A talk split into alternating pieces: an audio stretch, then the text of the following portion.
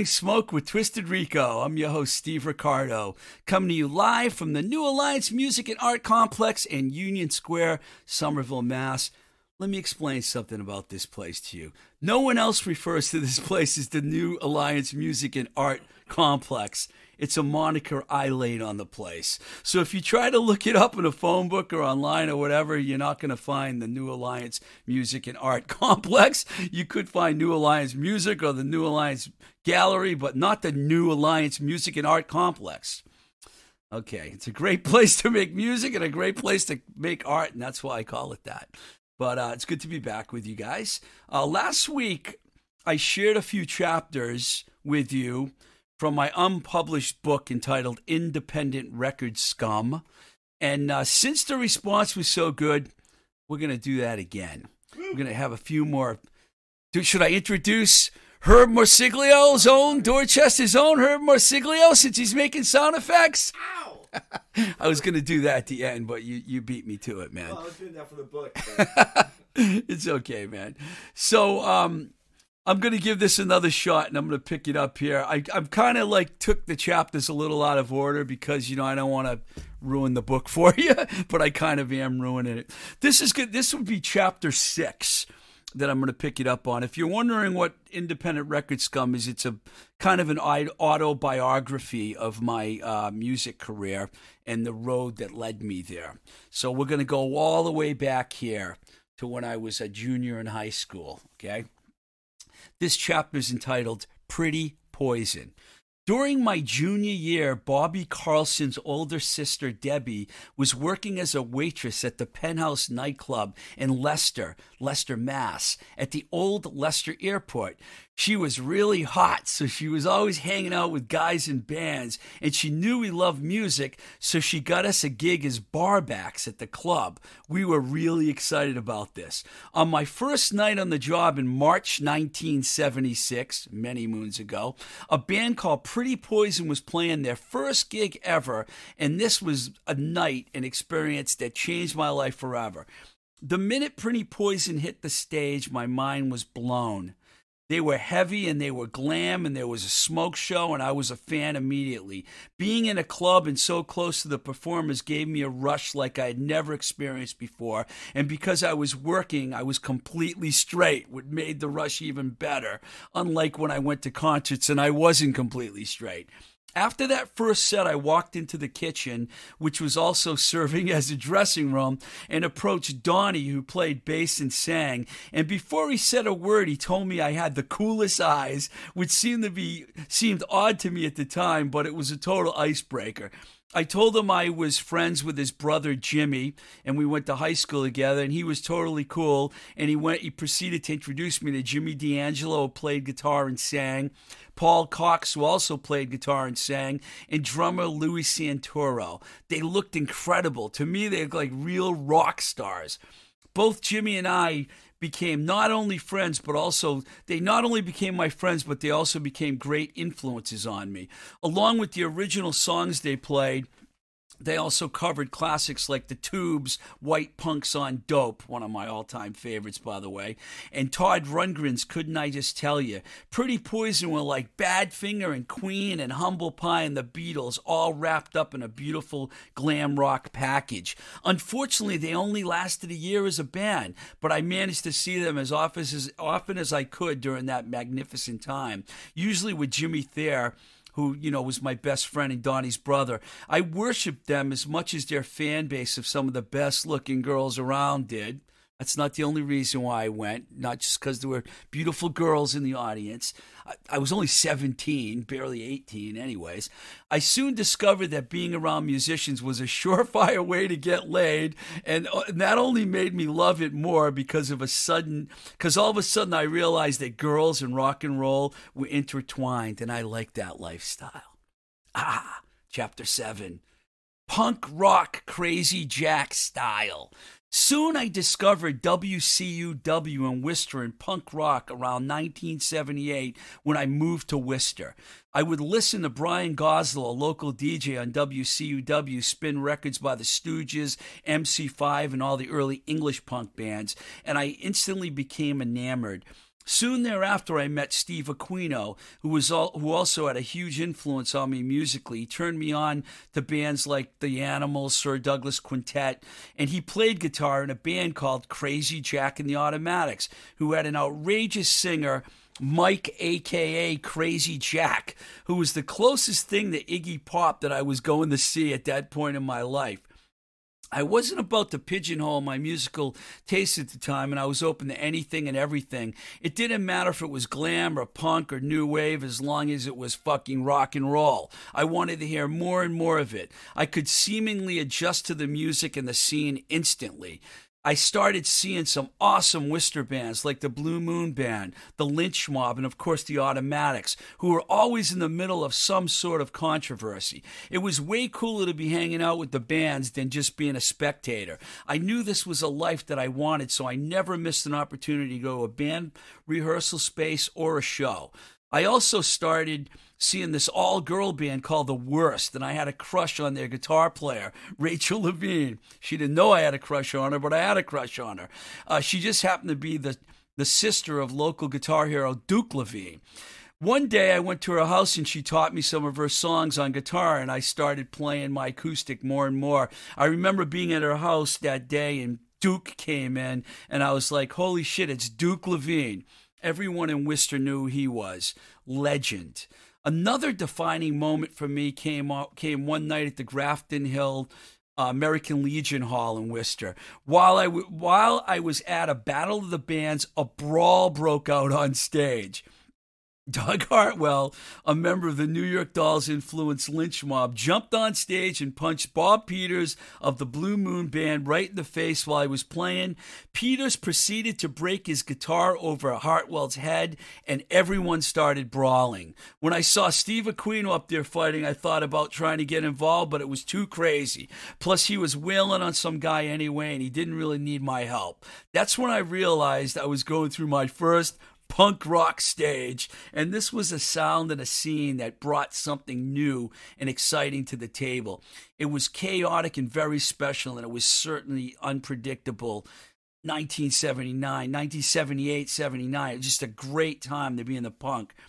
I put together some shows at Quincy eventually, Quinsigamond Community College, where I was going to school at the time. One of them was with Jimmy D's newer band, August. At that time, I was lead, leading this dual life as a punk rocker and a metalhead. And aside from girls, that's really all I cared about. I also became involved with Denise, who was about eight years older than me, and she had every Beatle record ever made and was a fanatic fan of the Fab Four when we weren't having sex, we were listening to records. It's a great book I wrote, huh, Herb? Uh, she was an amazing girlfriend for about a year, but the age difference eventually caught up with us. She was more mature than I, and I'm pretty sure that's why it didn't work out, but I don't have any regrets.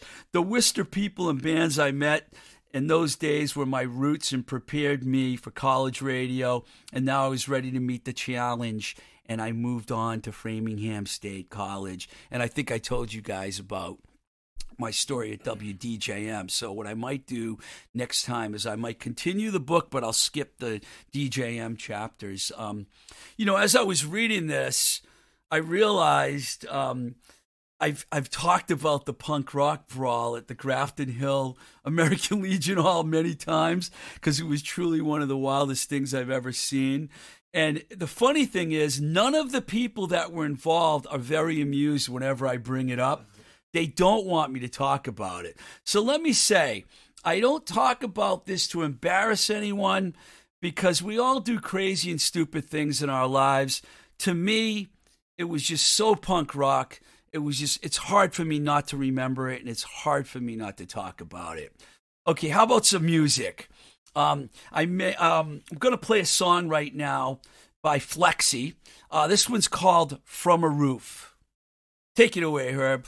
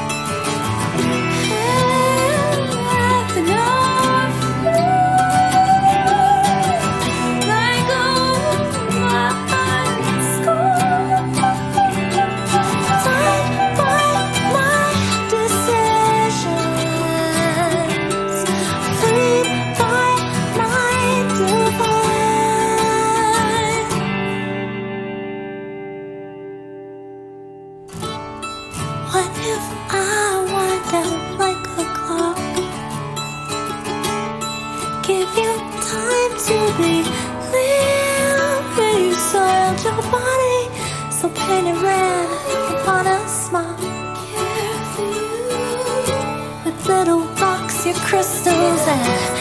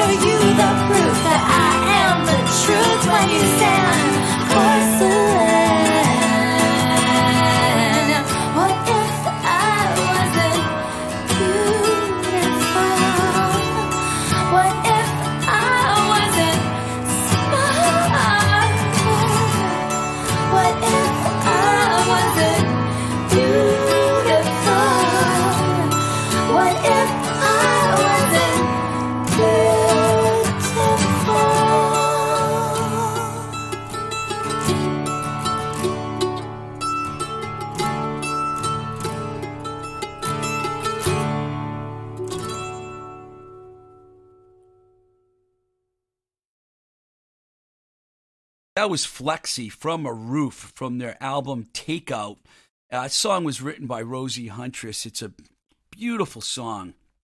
Really great band. I'm going to talk about them some more in a minute, but the band consisted of Rosie Huntress, Ellie V, who was Ellie Vokalsen at the time. she still is Ellie Vokalsen.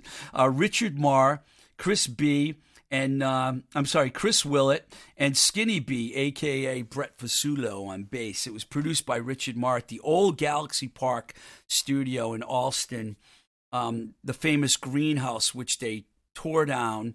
And you know, Allston will never be the same as it was when the greenhouse was there. As Ellie V refers to that building, the rock and roll ghetto. She she used that line in the song, the Charm song, B O S T O N. Um, you know, this is a good segue because I got some questions, uh, viewer questions. I haven't answered any in a few weeks, but I got a couple here that I picked out that I wanted to share with you. This is a really good one. Of all the bands you have managed, which one do you think could have been bigger? Talk about a difficult question that'll get me in trouble. So here you go. I'm going to answer it for you. Ready? Three and a half girls, Caged Heat, Ape Hangers, Rocket Science, Flexi, The Charms, Rosie Huntress, Vulgarity, Stone Soul Foundation, The Love Me Nots, The Gore Gore Girls, Greg Allen's Fringe Religion, and Continental. I know I probably left a few out, but you know, those are bands, some of the bands I managed. And I was going through the list and I was trying to think of which one do I think, think could have been bigger. And honestly, they all could have been bigger. I'll try and give you a couple of quick reasons why. Three and a half girls, when they came out, they were fabulous. I mean, they did. They only lasted like not less than a year, unfortunately, but they came out of the box and they just smoked. And two of the members ended up signing major label deals. So they kind of did get bigger in a way, not together. Caged Heat, you know, Chili Kurtz was just on last week, and I worked with Caged Heat for, they're one of the two longest bands I've worked with over the years. Chili's always been a star. She could have been much bigger. Anytime any bigger band saw them and saw her, they thought she was a great performer, an amazing harmonica player and songwriter. So, Ape Hangers, you know, they did get signed to A&M Records. They did have a song in the Empire Records soundtrack, which is pretty good. It made them some cash. Uh, Rocket Science, I thought was a great band. The only reason why we stopped working together was because, you know, there was some problems with fights and things and arrests. And we've talked about the famous Worcester arrest and myself and a member of Rocket Science were both arrested on the same night, which we don't want to relive that one again. Um, I'm going to skip Flexi and I'm going to talk about. I'm going to, go back to Flexi. The Charms, they did really well. They went on a bunch of nat- national tours. They got pretty big, but obviously they could have been bigger. Rosie Huntress, I always thought she was one of the best singers and songwriters I ever worked with. Vulgarity, Tracy and Sean, brother and sister, just phenomenal. I know I'm giving a long answer to this question. Uh, Stone Soul Foundation, really great hard rock band from Albany, New York. The Love Me Nots. I mean, they put out like seven records. They toured the world. They're huge in Europe. They could have been bigger. Gore Gore Girls, you know, I worked with them for about a year, and um, they were more kind of a novelty act, I think. Uh, you know, and they, they probably reached their peak. Greg Allen's still out there rocking and doing it, and Continental. I mean, Rick Barton started the Dropkick Murphys, so he, uh, you know, pretty famous. Um, when I looked at the list and I thought which band that I think really could be bigger, and I just answered that question and said all of them. But Flexi, who I just played that song by, I think they could have been a huge band. And why? And I didn't get them till the end of their career. They they contacted me when they already were around for like five or six years, and they would put out that album Takeout and ask me to help them market it and become their manager. But I realized there was so much talent in that band, and that was probably why they didn't get. It seemed like there was just too many talented people, and they all needed to do their own thing, and they all ended up doing their own thing. I mean, Ellie went on to the Charms, and they became like a huge band. Rosie put out a great record. She recorded it actually with um, John Taft and um, oh my God, Mark Schleicher at the Old New Alliance. Uh, you know, and and Richard Marr is one of the most successful local producers and engineers in the whole area. I mean, his studio in Salem's huge. He's always working. Chris Willits out in California, big fan of the show, by the way. Hi, Chris. He is a drummer that a lot of people want in their band, and they want him to play with him. Great drummer. And Skinny B, who was like kind of like you know the guy that was managing the band before me. They had other managers, but Skinny B was like very involved in the business aspect of the band. So I mean, I just picked them out of a long list of bands because I think that talent wise they were they were up there and they could have been a lot bigger. They did have this one big showcase in LA and like I guess a lot of A&R people were in there and they just say they had a bad night. That was before I was working with them, but um some props out to Flexing. I'm glad we played that song. Um, got another question here. It's a good one. Uh, what music have you listened to a lot that might surprise some people? That is a really, really good question.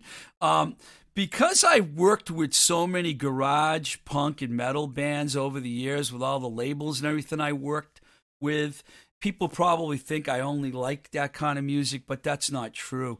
I would say old school soul is at the top of my list, along with early blues and even some all country. And I even got a couple examples that I wrote down here. On the blues end, Sonny, Sonny Boy Williamson the first, whose recordings were all made in the late 30s. I'm talking about the 1930s. That's like 90 years ago. It's a long time ago. His recordings are phenomenal, man. If you ever get to listen to Sonny Boy Williamson the first, pretty sure he was murdered. In fact, I know he was murdered because we mentioned it last week. Um, I try to listen to his music like at least once a month because it it's really slow, cool blues, and it just puts me in a good mood. It's right up there with, with Little Walter, Howlin' Wolf, basically everything that Willie Dixon has had a hand on. As far as soul goes, um, you know, the Isley Brothers are great. They're practically, I think a lot of people would regard them as like a rock band too. Ernie Isley, I've been really into his guitar playing lately uh, Bobby Womack, who we talked about last week, Al Green, Otis Redding, The Temptations, of course. So, I mean, I like soul. I like the old school soul. Um, one thing I want to mention about Bobby Womack, and this wasn't a question, but someone did send me an, a, a, message about this. Um, Bobby Womack was accused by his ex wife of molesting his daughter. So I don't I don't want people to think I was trying to put him on a high pedestal. He is one of the all-time great soul men, but he does have a checkered past and I did mention that in the story and someone pointed that out to me and I did mention it. So it's not like I ignored the fact that he was accused of sleeping with his wife's 17 year old daughter. and that he also was doing so much blow that he forgot about his four month old baby that ended up dying. So there's not always good stories here that go along with these legends. There's there's bad shit too, and there's definitely some bad shit with Bo- Bobby Womack. So I don't want you to think that I I meant to overlook that. Uh, I got, I'm going to answer the one more part of this. One record that I've worn out and I never get sick of is Essence by Lucinda Williams. I mean, if you're watching on the YouTube channel, I'm holding the record up right now, uh, CD I have in my hand because it happened to be in my bag. To me, this record is an absolute masterpiece. It was the follow up to the immensely popular and successful 1998 Car Wheels on a Gravel Road, which I believe won an a Grammy or was at least nominated. I think she won the Grammy. Um, the pressure was on for her to make another great record, and she did. She put she put uh, Lucinda Williams. She put out Essence, and and two years later, and this record I wear out. Steal Your Love, Out of Touch, Lonely Girls, the amazing title track, which is brilliant. And the lineup, which included the legendary Jim Keltner on drums on the whole record from the band Traffic, and Charlie Sexton plays on multiple instruments on this record. And if you haven't listened to Essence, I highly recommend it. It's truly one of the the best records that one of my favorite records of all time. And you know, I um, I'm going to actually read the lyrics to one of her songs because I think this song is so good. It's the title track. Baby, sweet baby, you're my drug. Come on and let me taste your stuff. Baby, sweet baby, bring me your gift. What surprise you gonna hit me with? I am waiting here for more. I am waiting by your door. I am waiting on your back steps. I am waiting in my car. I am waiting at this bar. I am waiting for your essence. Chorus. Baby, baby, Baby, sweet baby, whisper my name, shoot your love into my vein. Some heavy shit, man.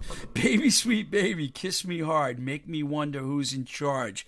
I'm waiting here for more. I'm waiting by your door. I'm waiting on your back steps. I'm waiting in my car. I'm waiting at this bar. I'm waiting for your essence.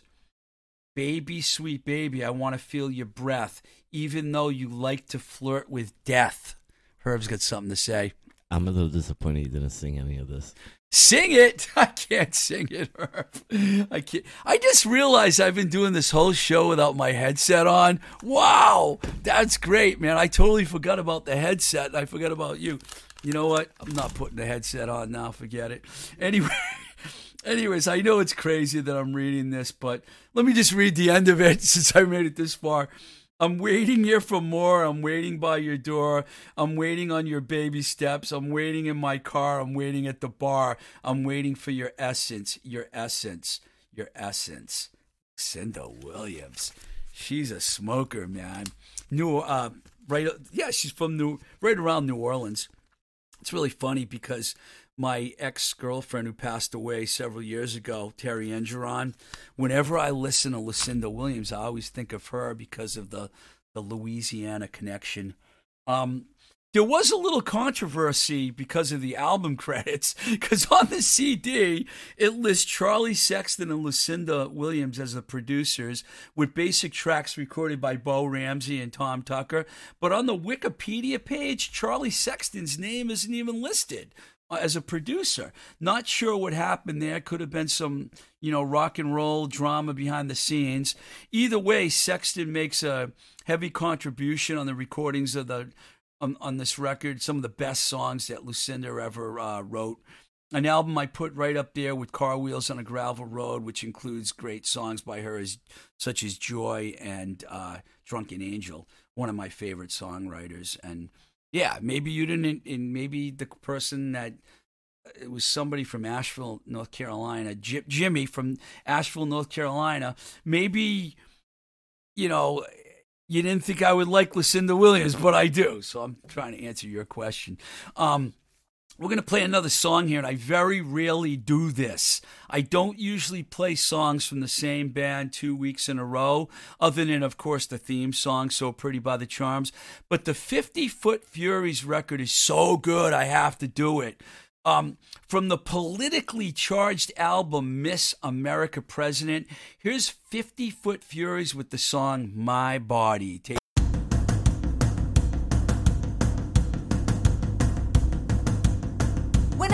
wake up in the morning, the first thing I do is stand in front of a full length mirror looking at my beautiful body.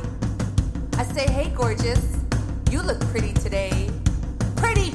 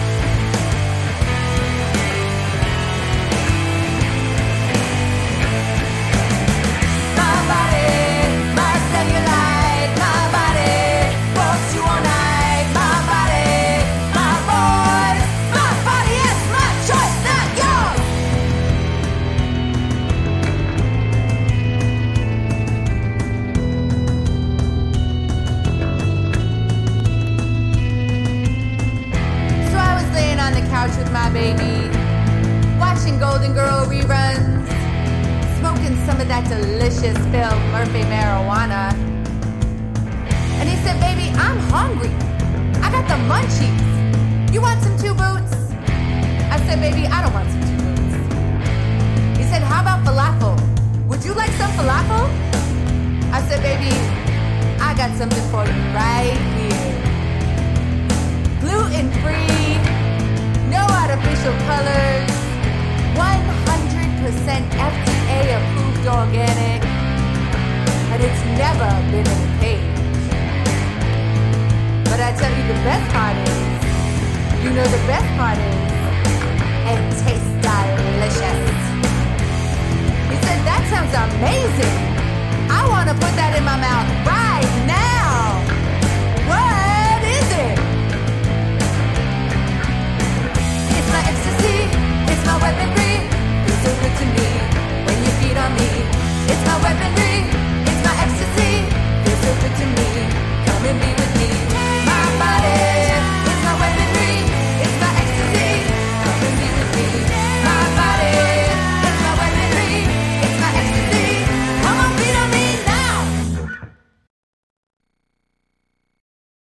Just released on August 29th, the debut album from 50 Foot Furies, Miss America President, and the song My Body.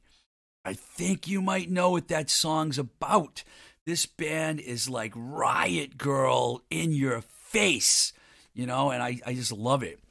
It's Tracy Noel on vocals, our good friend Susan Luton on bass and vocals, Aaron Connors on guitar and keys, and Felipe Torres sat in and played drums in that recording. You can get the 50 Furies uh, record on their Bandcamp page, and I highly recommend it. Uh, like I said, I don't usually play same band two weeks in a row, but I was like figuring out what my other tune was going to be, and I was like 50 Foot Furies, man. Riot Girl's always high on my list. Um, all right, this has been a lot of fun. Our our sponsor for today's show is JLS Design. JLS Design does custom screen printing and embroidery. It's a great place to get t-shirts, hats, hoodies, masks. They've been making a lot of masks lately, like everyone's been making. Uh, in fact, they made our blowing smoke with Twisted Rico masks, which I have one in my pocket, and I only am holding it up for anyone that's listening out there on YouTube uh, or watching on YouTube, I should say. Um, you can reach them at jlsdesignprinting.com or jlsdesignsales at gmail.com. If you contact them and tell them Twisted Rico, excuse me, Blowing Smoke with Twisted Rico sent you, you can even just say Twisted Rico if you want, you'll get a 10% discount. Um, I, I like to do this. I've been doing this every week, and they appreciate it, and I appreciate them. So I want to thank all the fine companies that have sponsored this podcast over the last year and a half, including JLS Design, the Dark Horse Pub in Somerville, Baby Loves Tacos in Pittsburgh, and the Moonbeam Cafe in Oakmont, PA. Hi, Nina. Nina loves when I say hi to her, so I have to say hi to her. She's a big supporter of the show, uh, as are all these people. If you're interested in sponsoring any of our episodes, feel free to contact me at twistedrico at gmail.com. Before we go, I want to thank our engineer, Dorchester's own Herb Morsiglio. Yay. Mr. Enthusiasm. and also our, all our patrons whose mo- monthly contributions keep the show alive. Uh, if you want to become a patron, um, it's patreon.com forward slash slash twisted rico. You know, you could sign up for only a dollar a month, just like Kevin, Ellie, Maria, Chris, Heather, Sue, Matt, Dave, Brian, Benjamin, Lee, Chad, Christopher, Kim, Hector, and Kelly have. Lovely people, all of you. Thank you. Uh, please contact me at twistedrico at gmail.com or follow the Instagram page at twistedrico or on our Twitter page at blowing smoke bs. There's also a Facebook page, and uh, you can find many of our shows on YouTube. This is Blowing Smoke with Twisted Rico. I'm your host, Steve Ricardo. Till the next time we say goodbye, keep the rock and roll alive, and we will love Busy Phillips till the day we die.